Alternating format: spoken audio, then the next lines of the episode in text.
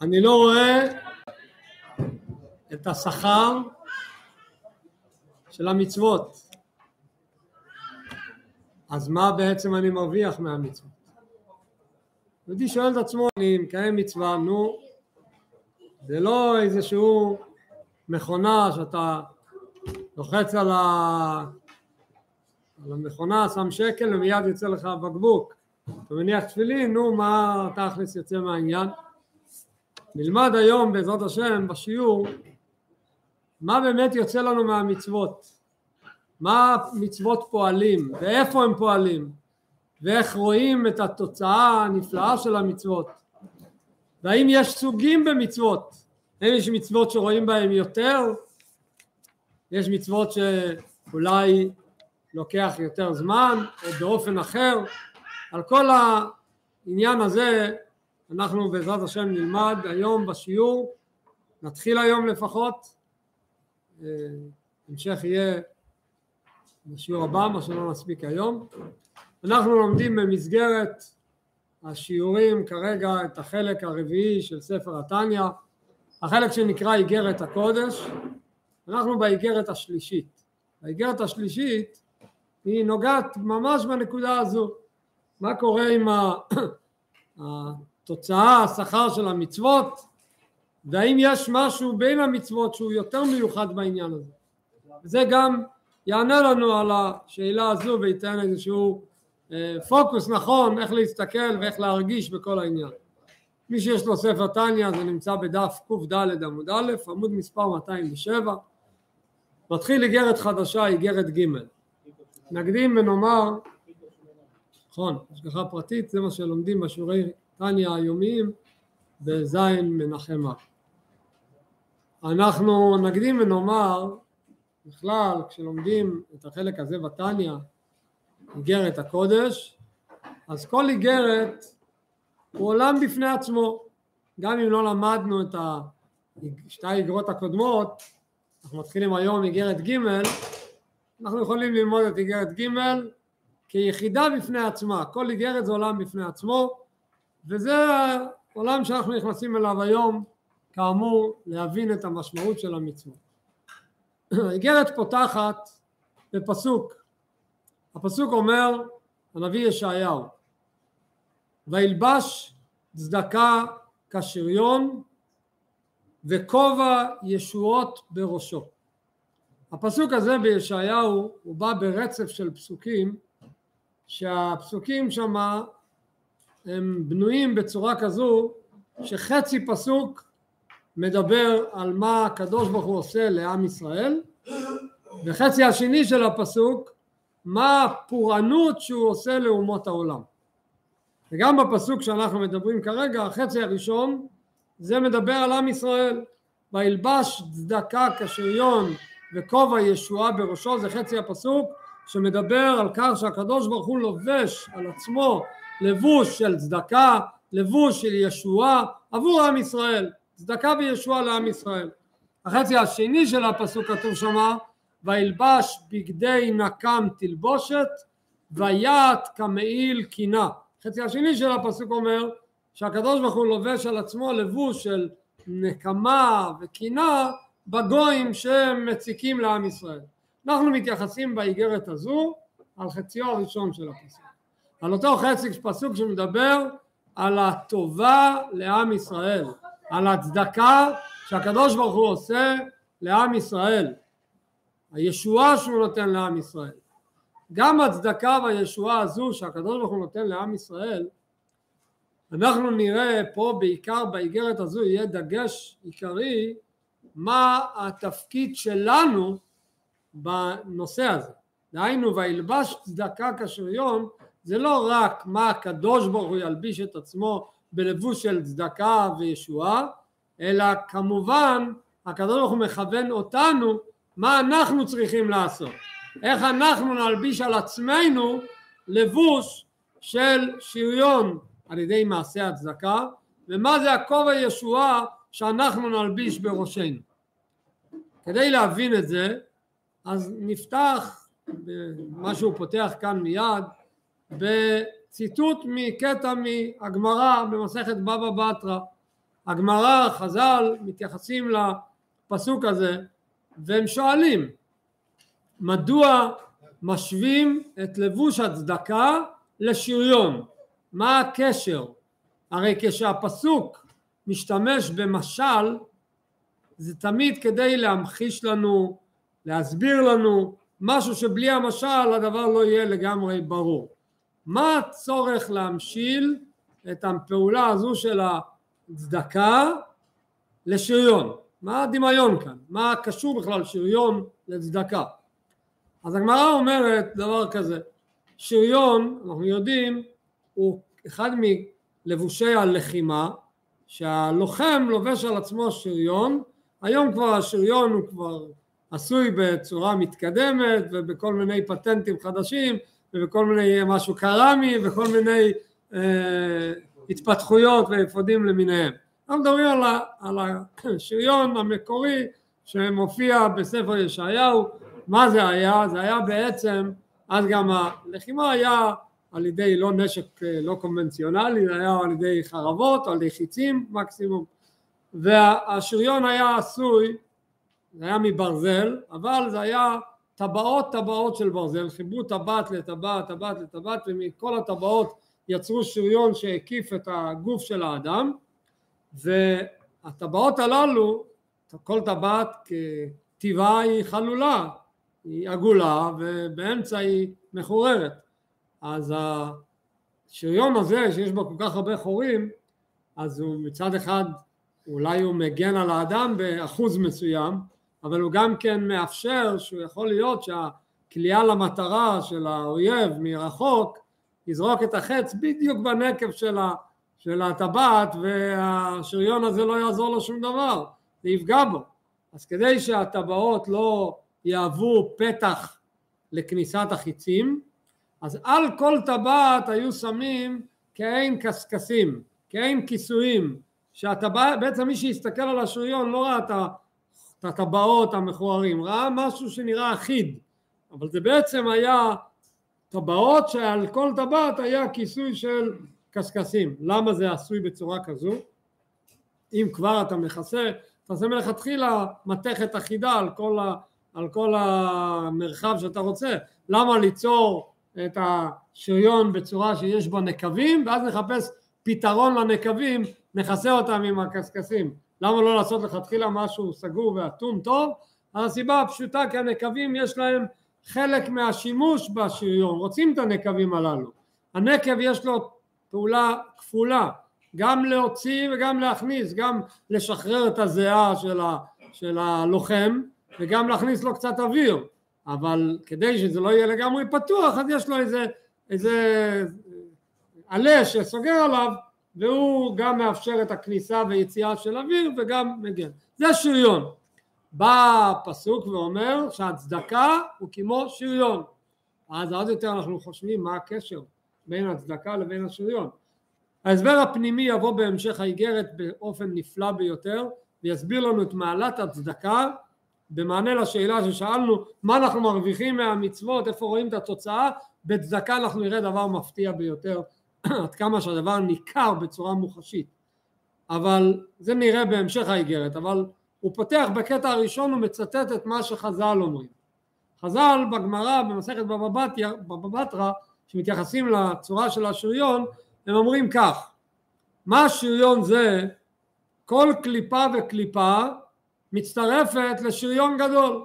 כמו השריון הוא נהיה בגודל שאתה רוצה להגיע אליו כי אתה חיברת כאן עוד עוד uh, טבעת ועוד טבעת, עוד קליפה ועוד קליפה וביחד בנית. זאת אומרת השריון הגדול בנוי מהרבה מאוד uh, uh, פרטים קטנים. מה הנמשל? אומרים חז"ל, אב צדקה אותו דבר, כל פרוטה ופרוטה מצטרפת לחשבון גדול. זה לשון הגמרא, זה ציטוט מילה במילה מהגמרא. כמובן צריך להבין את הגמרא, כי זה בפשט כדי להבין את הרעיון שכל פרוטה או פרוטה מצטרפת לחשבון גדול לא צריך משל משריון ילד קטן שמקבל מההורים שלו קופת חיסכון שיכניס בפנים כל פעם את הדמי כיס חלק מזה ויאגור לאיזשהו אה, יעד מסוים, הוא גם מכיר את הדבר הזה מהחיים, שכל פרוטה או פרוטה מצטרפת לחשבון גדול, גם בלי שהוא מכיר וראה בחיים שלו שריון ויודע מה זה שריון.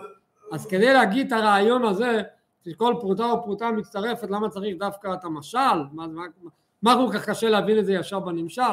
אז כשנדבר את הביור הפנימי בהמשך הפרק, נבין עד כמה זה לא סתם משל, יש כאן עומק מסוים. האמת שגם מפרשי הגמרא דנים בצורך להביא משל, אחד המפרשים אומר דבר מעניין, שבצדקה זה לא כמו לדוגמה אם אדם מפריש חלה. אדם עשה היום מיסה, הפריש חלה, אחרי צהריים עשה עוד עיסה, הפריש עוד הפעם חלה ומחר עוד הפעם, במהלך השבוע הפריש עשרים פעמים הפרשת חלה. אז בסופו של שבוע מה נגיד? הבן אדם הזה עשה הפרשת חלה גדולה, שנגיד הוא עשה עשרים פעמים הפרשת חלה. הוא פשוט נגיד הוא עשה עשרים פעמים הפרשת חלה. כל פעם שהוא עשה הפרשת חלה זה הפרשת חלה בפני עצמה מעיסה אחרת ועוד עיסה ועוד עיסה. בצדקה אדם שנתן היום פרוטה ומחר פרוטה ושבוע הבא עוד פרוטה בסופו של דבר אנחנו לא נגיד הבן אדם הזה נתן פרוטות. אם בצירוף כולל הוא נתן אלף שקל נגיד הבן אדם הזה נתן אלף שקל לצדקה בסוף שנה ישלחו לו מהמוסד אה, קבלה מה יכתבו? תודה רבה על אלף שקל שתרמת השנה למוסד שלנו למרות שהוא נתן את זה בהרבה נתינות קטנות. אז בצדקה רואים פה את הנקודה הזו שזה בעצם כל פרוטה ופרוטה מצטרפת לחשבון גדול פירושו שהנתינות הבודדות הופכות להיות כנתינה אחת גדולה. זה במפרשים של הגמרא מביאים את הנקודה הזו. אבל כפי שאמרתי נראה בעזרת השם בהמשך האיגרת נבין את העומק הרוחני של המשל עד כמה הוא עוזר לנו להבין את הנמשל. נראה עכשיו איך הוא מרמז רק הפתיח להסבר הפנימי לא נרחיב בו, רק נראה את זה כרגע בשתי מילים, אז הוא אומר ככה, פירוש שהשריון עשוי קשקשים על נקבים, כמו שתיארנו קודם, איך השריון הזה בנוי, איך הוא מיוצב, שיש נקבים ועל כל הנקבים שמים קשקשים, ואמרנו שהנקבים משמשים כניסה ויציאה והקשקשים משמשים הגנה, הנקודה הזו יש לנו בצדקה, והם מגינים שלא ייכנס חץ בנקבים וככה הוא מעשה הצדקה. בנקודה אחת בתמצית רק לסבר לנו טיפה את האוזן מה שהוא יסביר בהמשך שצדקה יש לה כוח מיוחד שמגן על האדם הנותן צדקה שהוא לא ינזק אף פעם לא ממה שהוא נתן לא מדברים אחרים וההגנה המיוחדת היא דומה לשריון שלמרות שנתתי היה לי פה נקב נתתי אבל יש שריון הוא גם מגן עליי אבל נרחיב בזה בעיקר כשנגיע לחצי השני כדי להעצים ולהדגיש ולהפליא את מעלת הצדקה שרואים אותה בפועל ממש במעשה העולם הגשמי שיהודי נותן צדקה אז הוא מקדים באיגרת עכשיו אריכות שלמה זה מה שנלמד היום מה קורה בכללות המצוות? לא בצדקה דווקא בוא נדבר על כללות המצוות. יהודי מקיים מצווה ולא משנה איזה יש תרי"ג מצוות רמ"ח מצוות עושה יהודי קיים מצווה. מה המצווה שאתה מקיים? מה היא פועלת עד כמה היא פועלת, איך, האם אתה יכול לראות מה היא פועלת, או שזה הכל רק למעלה, בעולם הבא, בואו נראה את לשון נתניה מה הוא מסביר, איך הדבר הזה אה, מוסבר לנו.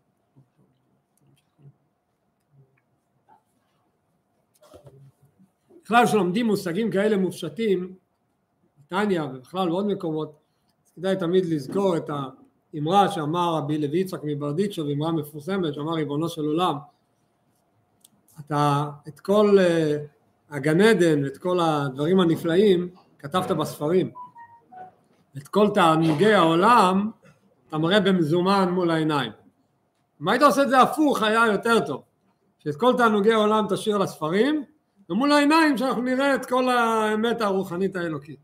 אנחנו עכשיו פותחים את אחד הספרים, או אחד הפרקים, שבהם אנחנו רואים איפה הקדוש ברוך הוא גנז את התענוג הזה את הבשורה הזו מה המצווה פועלת כי אנחנו מקיימים אותה.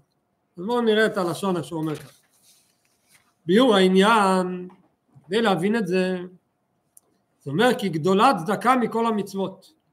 כדי להבין את זה צריך לדעת כהקדמה, כפתיח, שצדקה זו מצווה ענקית. זו מצווה שהיא יותר גדולה מכל המצוות הקיימים. כל המצוות יש להן מעלה עצומה וצדקה היא יותר מכל המצוות.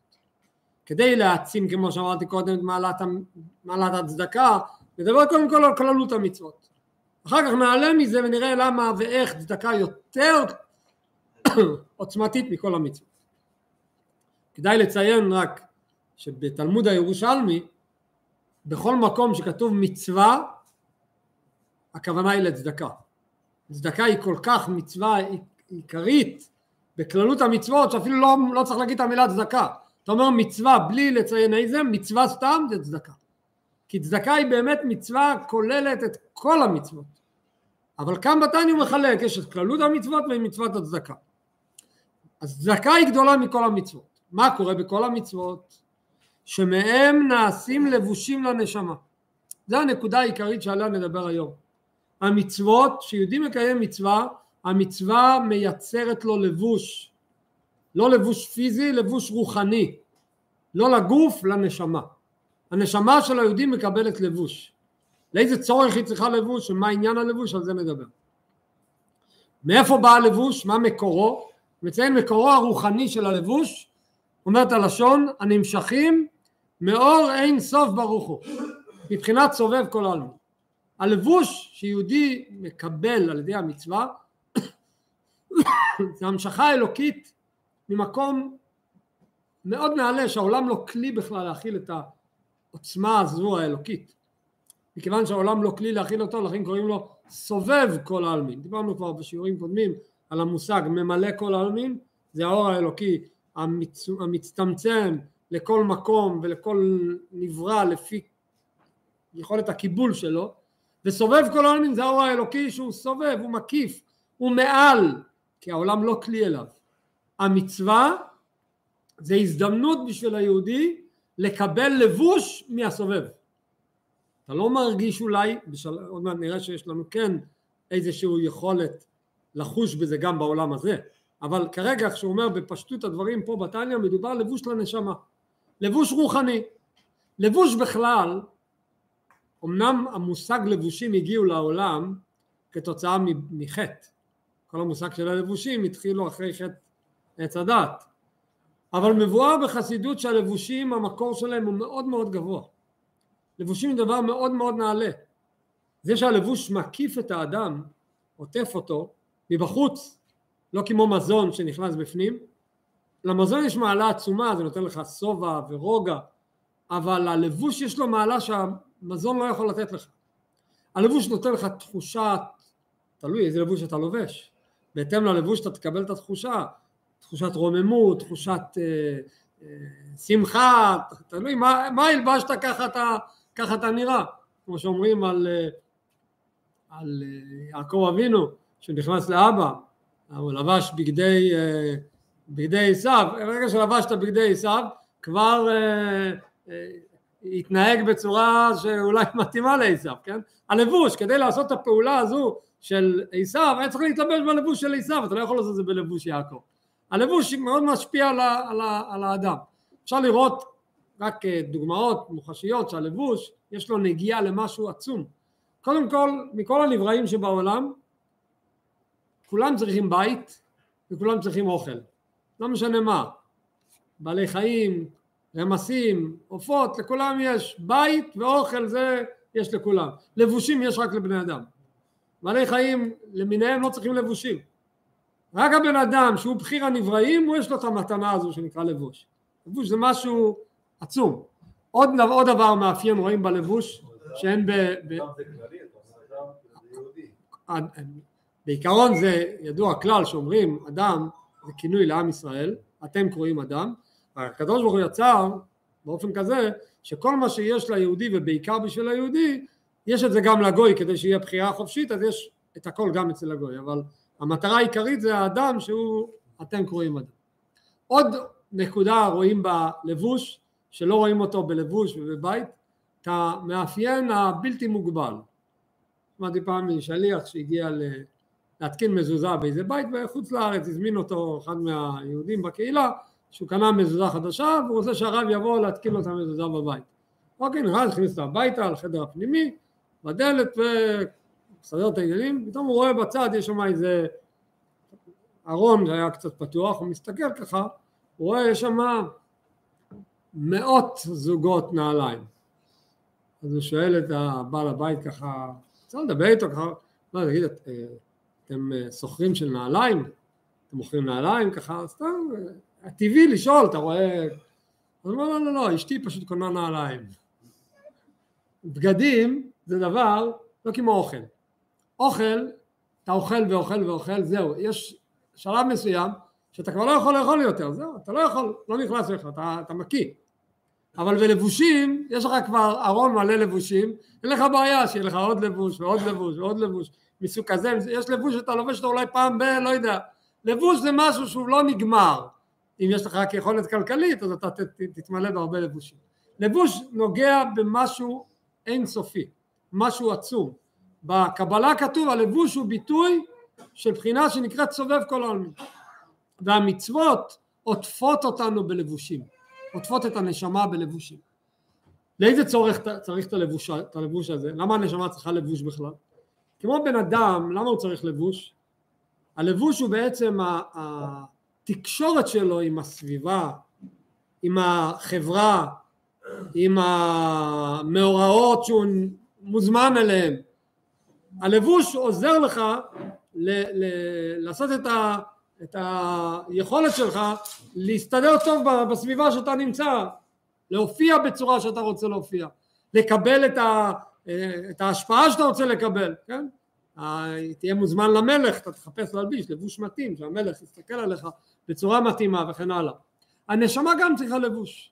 כמו שאתה לא יכול להסתכל על השמש באופן ישיר בלי משקפי שמש, בלי משהו שיהיה איזשהו כיסוי. הנשמה שעולה למעלה לגן עדן לא יכולה לקבל את האור, השפע שהקדוש ברוך הוא רוצה לתת לה בגן עדן. הנשמה נקראת נברא, נברא רוחני אבל נברא, והשפע הגדול שיש בגן עדן הוא אלוקי, אין סופי, רוחני, הנשמה לא יכולה לקבל את זה, זה גדול עליה. כדי לקבל על זה היא צריכה חליפת מגן, צריכה לבוש. גם האסטרונאוט שעולה לחלל אז הוא צריך לבושים מתאימים, לא יכול לבוא בלבושים הרגילים. הנשמה שעולה למעלה היא צריכה לבושים. איך כתוב על אברהם אבינו, הפסוק אומר, אברהם זקן בא בימים, אומר על זה הזוהר, מה זה בא בימים? הוא בא עם כל הלבושים שלו. דהיינו, כל יום יהודי צריך לקיים מצווה באותו יום. וכל מצווה שאתה מקיים באותו יום זה הלבוש שלך, של אותו יום. אברהם אבינו בא עם כל הימים, הוא לא פספס אף יום אחד. כי אם אתה מפספס יום אחד, אתה מפספס לבוש. אתה לא יכול להחזיר את זה ביום של למחרת, אם תקיים למחרת שתי מצוות, שלוש מצוות, לא תשלים את הלבוש שהיית צריך לעשות באותו יום. על אברהם אבינו כתוב שהוא בא עם כל הימים, עם כל הלבושים.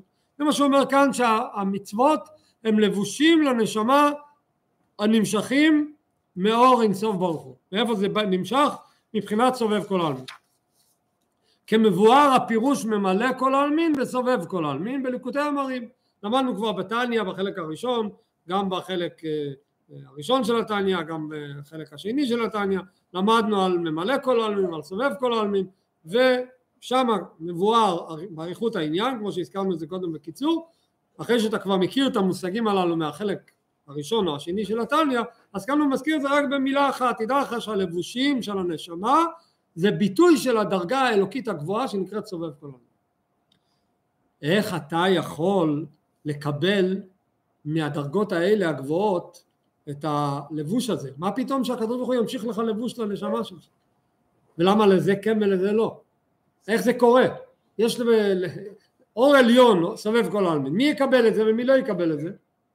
אז כמובן, אם תקיים מצווה, תקבל את זה. המצווה שאתה מקיים היא מושכת את הלבוש. איך המצווה שאתה מקיים מושכת את הלבוש?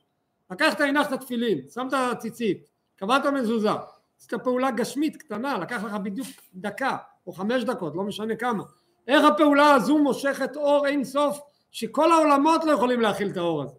גם מלאכים לא יכולים להכיל את האור הזה, ואתה משכת על הנשמה שלך עכשיו, גם אם אתה לא מרגיש, משכת על הנשמה שלך לבוש עצום ואור אדיר שזה עוטף אותך. איך המצווה פעלה את זה? הוא אומר בהתערותא דלתתא, כי אתה מלמטה עוררת משהו. הקדוש ברוך הוא ככה קבע את המסלול. הוא קבע מראש שמי שיקיים מצווה, מי שיעשה את ההתעוררות מלמטה לפי הכללים שהוא קבע, 613 דרכים, אם אתה הולך באחד המסלולים הללו, אתה מקבל את ההשפעה הזאת, תלוי בך, ככה הוא קבע, זה לא בגלל שאנחנו מכוחנו שווים כל כך הרבה לפעול ולהמשיך דברים כאלה נפלאים, זה ביטוי של הרצון שלו. אז ברגע שאנחנו מהתערותא דלתתא פועלים את זה, ומה אנחנו עושים? עם מצוות השם ורצון העליון ברוך הוא, אז ברגע שאדם מקיים את המצווה, הוא ממשיך עליו לבוש. ומצווה, גם במאפיין של השוני בין מצווה לתורה, זה בדיוק כמו שהזכרנו קודם מזון ולבוש. תורה זה מזון, תורה נכנס בפנים. תורה אתה מבין, אתה מפנים, זה חלק ממך, כמו שהפסוק אומר בתורתך בתוך מאי, נדבר על זה בחלק הראשון של התניא בפרק ד', המצוות נקראים לבושים, כי המצווה אתה לא אמור להבין, יכול גם להיות שלא תבין מה אתה עושה, אתה עוצר ברחוב ומניחים לך תפילין, אתה לא יודע מה עשית עכשיו, גם קודם כל עוטפים אותך מסביב, התפילים מקיפים את היד שלך, הטלית מקיפה את הגוף שלך וכן הלאה, אבל גם מצד ההבנה לא הפנמת כרגע את העניין אבל זה פעל עליך, זה המשכת, אתה נפגש כל יום עם אנשים שברגע שהם סיימו להניח תפילין, איזה הרגשה טובה יש לו, איזה תודה רבה הוא אומר, הוא מרגיש אחרת, הוא מרגיש טוב. מה הוא מרגיש, הוא יכול להסביר לעצמו? הוא לא יכול להבין. לא יכול להסביר מה הוא מרגיש. ההרגשה שהוא מרגיש הוא לא יכול למצוא לה תחליף בשום הנאה גשמית אחרת, לא, שום דבר לא יהיה תחליף לזה. למה זה? כי הנשמה שלו חיה, יש לו, הוא יהודי, יש לו נשמה, וברגע שהוא קיים מצווה, המצווה הזו עוטפת אותו.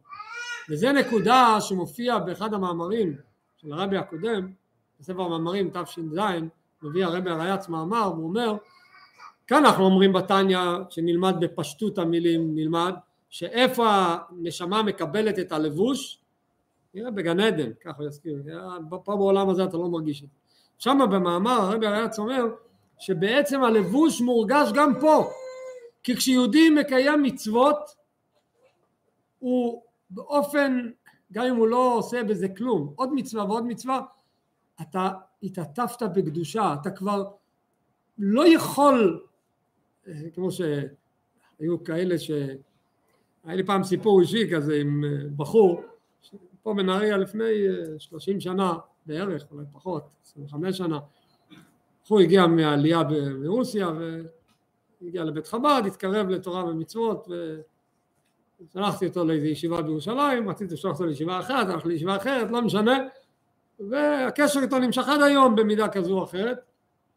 יום אחד, אני זוכר עדיין איפה הייתי ברחוב, בכביש הראשי, אני מקבל טלפון ממנו, הייתי מופתע, הרבה זמן כבר לא התקשר אליי, אני מרים לו את הטלפון, והבחור מתחיל לצעוק עליי צעקות, שלא ידעתי מאיפה זה, הוא צועק, פשוט צועק, למה עשית לי את זה?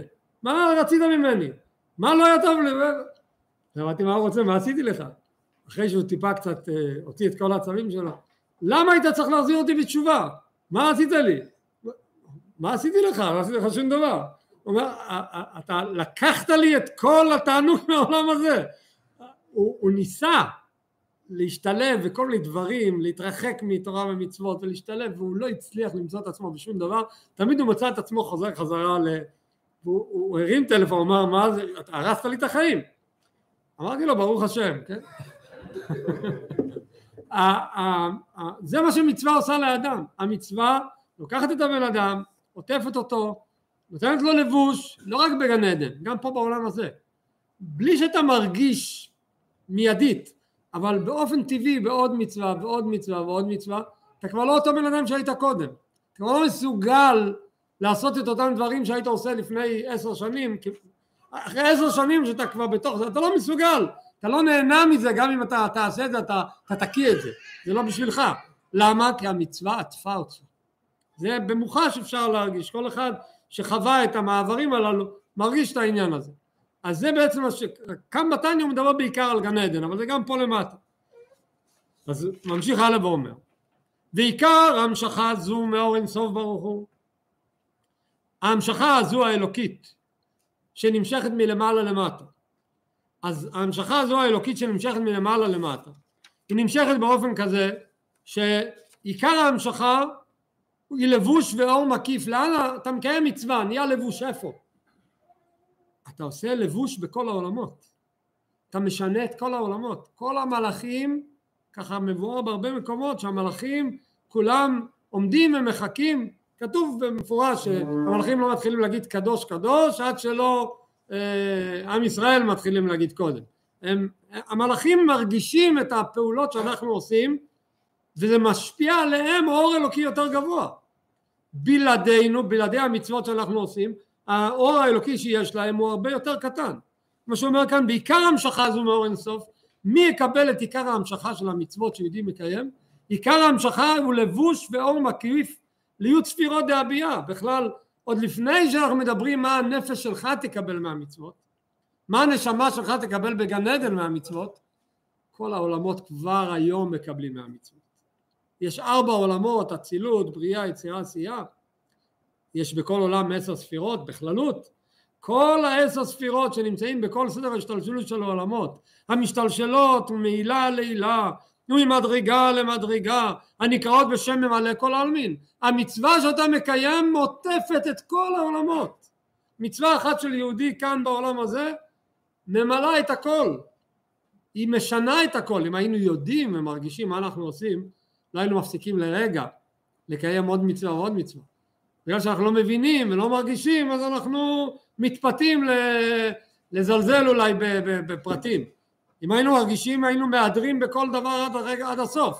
אבל אם אנחנו נאמין לרבי לוי יצחק מברדיצ'וב שהקדוש ברוך הוא הכניס את הכל בספר והנה יש לנו פה את הספר אז תאר לעצמכם שהספר הזה הוא מול העיניים אתם רואים את זה? הוא אומר לך שאתה מקיים מצווה כל העולמות משתנים על ידי זה. כל השפע בעולם משתנה על ידי זה. פירוש כי אור אין סוף ברוך הוא מסביר כרגע יותר בפרטיות מה קיים בעולמות בלי המצווה ומה המצווה עושה מה קיים בעולמות בלי המצווה? איזה אור קיים בעולמות בלי המצוות? אור הממלא כל העלמין. מה המצוות פועלים? אור הסובב כל העלמין. זה מה שאומר בשורות הבאות. פירוש. כי אור אין סוף ברוך הוא מתלבש ומאיר בתוך כל השתלשלות העשר ספירות האצילות בריאה יצירה עשייה. כל העולמות יש בהם כל הזמן אור אלוקי. גם בעולם שלנו. בכל, מה, במים, באש, באפר, ברוח, בכל שבלול ובכל צמח יש חיות אלוקית כרגע שמחיה אותה אבל החיות הזו היא מדודה לכל נברא לפי יכולת הקיבול שלו. בעולם הבריאה לפי יכולת של עולם הבריאה בעולם העשייה לפי היכולת של עולם העשייה וכן הלאה. והוא המאציל העשר ספירות דאצילות המשתלשלות לביאה. הקדוש ברוך הוא שהוא מאציל הוא, הוא, הוא מגלה את העשר ספירות שהתגלו בכל העולמות זה בא על ידי צמצום עצום כי כל עולם מקבל ממש אור מדוד לפי יכולת הקיבול שלו וברור שהאור צריך להצטמצם יותר ויותר לכל דרגה לפי עניינה. המבואר בעץ חיים כל הצמצומים הללו. אז איך קוראים לכל האור המצומצם המתלבש בכל ספירה לפי עניינה? ונקרא אור פנימי. אור פנימי זה כמו מזון. כשאתה מכניס מזון אם יש פירוק בריא של המאכל בגוף האדם אז כל איבר יקבל בדיוק את המינון שהוא צריך, את הכמות שהוא צריך, אם חלילה זה לא מתפרק טוב אז אין המשכה פנימית באותם חלקים שצריכים להיכנס אליהם. ההמשכה האלוקית בעולמות זה אותו דבר, זה אור פנימי שנכנס לכל דרגה לפי עניינה, אבל על ידי קיום המצוות, שהיהודי מקיים מצוות הוא משנה את כל המערך. נמשך אור מקיף הנ"ל, הוא ממשיך את האור מקיף העולמות, ממשיך את אור הסובב כל העלמין. לא רק עליו, לא רק על נשמתו, כל העולמות משתנים על ידי זה. הוא מאיר תוך העשר ספירות הביאה, הביאה ראשי תיבות, אצילות, בריאה, יצירה, עשייה, כל ארבע העולמות מקבלים את ההערה הנפלאה, הוא מתייחד עם האור פנימי, נהיה חיבור בין האור המקיף לאור הפנימי. ההבדל הוא שאנחנו פה בעולם הזה, את האור הפנימי מרגישים אולי, לא מרגישים את האלוקות שבאור, אבל מרגישים שיש אתה מרגיש שאתה חי, אתה מרגיש את האנרגיה שיש בדברים מסוימים. אז אתה רואה את התוצאה לפחות של האור הפנימי. האור המקיף שזה הלבוש, פה בעולם הזה אנחנו בספר רואים את זה. אתה מרגיש את זה לפי הדוגמאות שהבאנו שאפשר באיזושהי צורה להרגיש שינוי על ידי האור מקיף שמאיר עליך. אבל בעולמות העליונים ששם הכל זך, ברור, טהור, אז מורגש מיידית ההשפעה שיהודי עושה. אז מיידית יש הערה עוצמתית בכל מצווה שיהודי מקיים וזה מתייחד עם ההערה הפנימית שקיים בכל עולם ועולם. איך קוראים לחיבור של שני, ה, שני הדברים הללו? אור פנימי שמקבל עכשיו אור מקיף עליון. איך קוראים לחיבור הזה? איך קוראים לשידוך הזה? של אור קודשא בריחו שכינתה. יש שאומרים ונוהגים, אצלנו נוהגים להגיד את זה פעם ביום לפני ברוך שאמר בתפילת שחרית, יש שנוהגים לומר את זה לפני כל תפילה, יש שנוהגים לומר את זה לפני כל מצווה, לשם ייחוד קודשא בריחו שכינתי.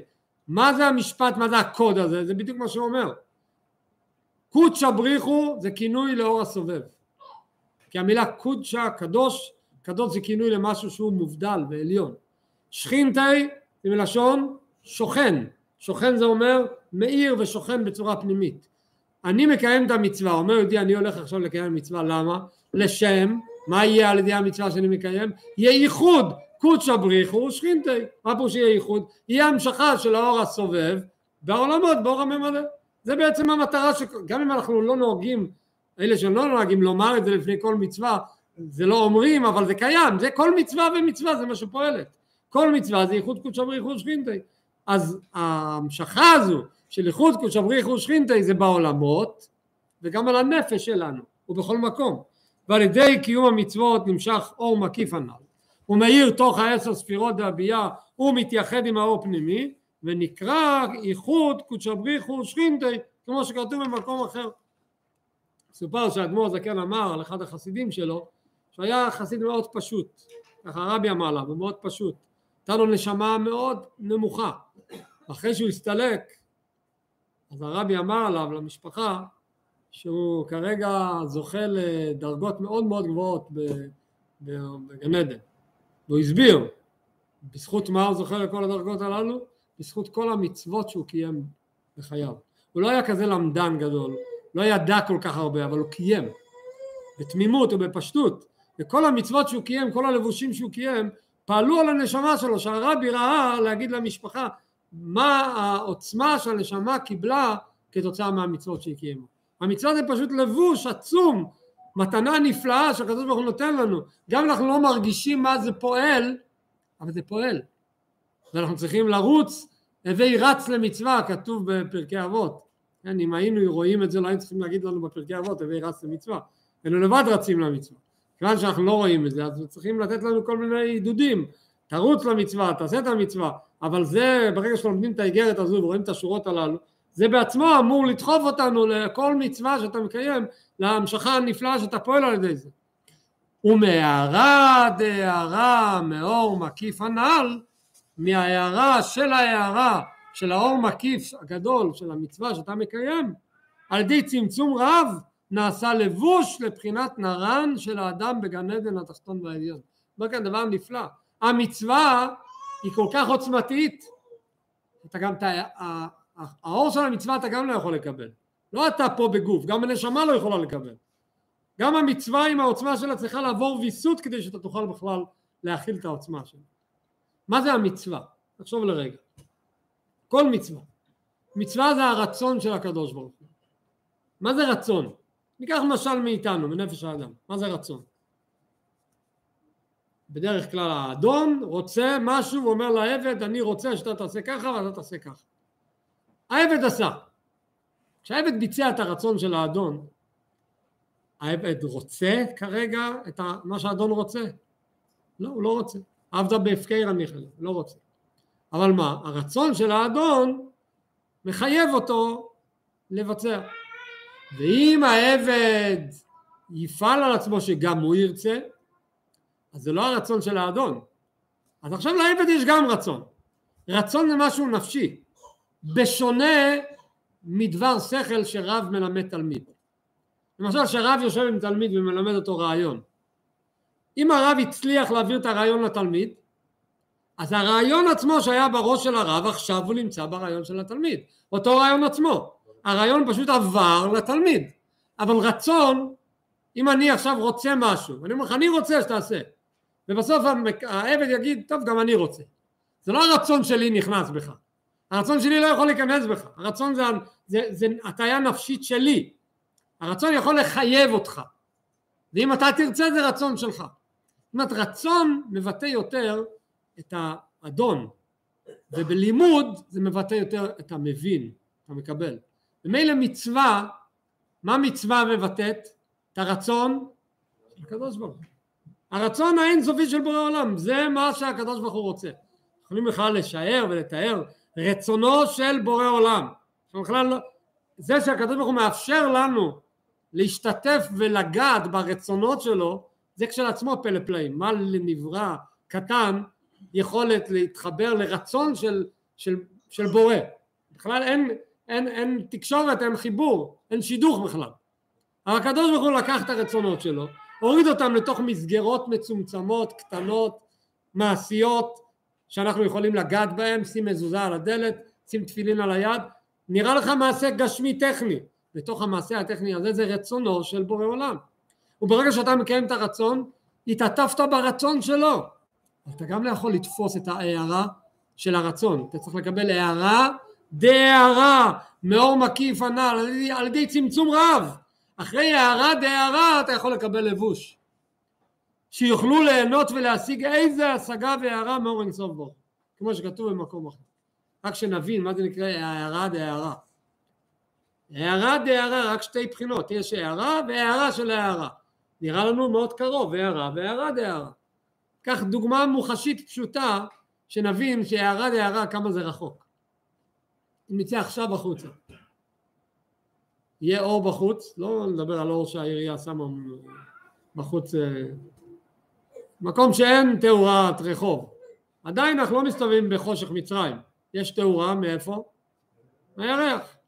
מאיפה בא האור של הירח? השמש. זאת אומרת האור שיש לנו עכשיו בחוץ הוא הערה של הירח שבא מהערה של השמש. אז אור הירח הוא הערה דהערה מהשמש, נכון? יש דמיון בין אור השמש לאור הירח? זה חם וזה קר וזה מסנוור וזה בסדר, יש כל כך הרבה שינויים ביניהם. רק עבר הערה דהערה כבר תראו שזה עולם אחר. אז אומר המצווה שאתה מקיים זה עוצמה כזו גדולה מהערה דהערה הנפש שלך תוכל לקבל איזשהו לבוש וזה יעזור לו בגן עדן ליהנות ולהשיג מההערה העליונה. וזה מה שהוא מסיים, מסיים כרגע את החצי הראשון של האיגרת. את ה... כמו שאמרנו יש כאן שני חלקים, חלק ראשון נדבר על כל המצוות, אחר כך בחלק השני נדבר על מצוות הצדקה בייחוד. כשהוא מדבר על כל המצוות אז הוא מסיים ואומר וזהו שאמרו חז"ל. עכשיו נבין מה שחז"ל אומרים, שכר מצווה בהאי עלמא לקה. פתחנו בשאלה, יהודי אומר איפה השכר של המצווה שאני מקיים? חז"ל אומרים לך אין שכר בעולם הזה. מה מתכוונים לומר חז"ל במשפט הזה? מתכוונים לומר שתחכה בסבלנות, קודם כל הוא החליט שזה יהיה רק אחרי 120, זה הרבה יותר עמוק מזה. שכר מצווה למלא כי העולם לא יכול להכיל את שכר מצווה. אם העולם היה מקבל את שכר מצווה, מה היה קורה? אין עולם, אין מציאות. אתה לא יכול לקבל, אתה לא כלי. המצווה היא כל כך עוצמתית, רצונו של בורא עולם, אתה לא יכול לקבל אותה, אתה לא יכול להכיל אותה. השכר מצווה באי עלמא לקה, זה לא הולך ביחד עם האי עלמא. העולם הזה, וגם העולם העליון, גם לא יכול להכיל. גם העולם העליון צריך לקבל איזשהו, כמו שאמרנו, הערה והערה דהערה ואיזשהו ויסות, ורק אחרי הוויסות הזה זה יכול לקבל, וזה הקטע האחרון, וזה נסיים. כי בעולם הזה הגשמי הוא בעל גבול וצמצום רב ועצום מאוד מאוד. העולם שלנו, שהוא עולם מדוד ומצומצם, אי אפשר להתלבש שום הערה מאור אינסוף ברוך אין שום יכולת של העולם שלנו לקבל הערה מבלי גבול, לא יכול, גבול לא יכול להכיל בלי גבול, אתה לא יכול להכניס בכוס יותר ממה שהכוס יכול להכיל. כי אם, איך העולם שלנו יכול להכיל? על ידי י' ספירות, הנקראים גופה בזוהר הקדוש, על ידי עשר ספירות שכתוב בפתח אליהו, נקרא גוף, נמשל לגוף, חסד רוע ימינה, גבורה דרוע שמאלה, שם תיאור שלם של גוף, אז העשר ספירות שנקראים גוף, חסד רוע ימינה וכולי, אז הם דרכם אנחנו יכולים לקבל שפע בעולם. למה קוראים לזה גופה? זה מסביר, לפי שכמו שאין ארוך לו להגוף הגשמי לגבי הנשמה, כמו שגוף ונשמה, המרחק בין גוף לנשמה הוא כל כך עצום שאין שום ערך, כך אין ארוך כלל להיות ספירות האצילות לגבי המאציל העליון ברוך הוא. העשר ספירות האצילות עם כל מעלתם הם גוף לעומת הסובב כל העולם, לעומת הבורא. אין, אין, העשר ספירות גם לא יכולים להכיל את, ה, את האור של סובב כל העלמין. מי נותן לעשר ספירות את הדרישת שלום מסובב כל העלמין? המצוות שאנחנו מקיימים, אנחנו נותנים להם הערה. הם מעצמם גם לא יכולים להכיל את זה. כי אפילו חוכמה הילאה שהיא ראשיתן, אפילו חוכמה הילאה שזה התחלה של עשר ספירות, אז היא בבחינת עשייה גופנית לגבי אינסוף ברוך הוא, כמו שכתוב באלוקותי המרים, ומילא מצוות בכלל, העולם לא יכול להכיל אותן. פה אנחנו נראה בעזרת השם בשיעור הבא את הבשורה הגדולה במצוות הצדקה, שמצוות הצדקה יש לה מעלה של כל המצוות, אבל יש לה גם מעלה שכן יכולים בעולם הזה לקבל איזשהו, להכיל אותה, ואיך להכיל אותה, ונראה בעזרת השם בשיעור הבא. אנחנו נסיים בעניין קצר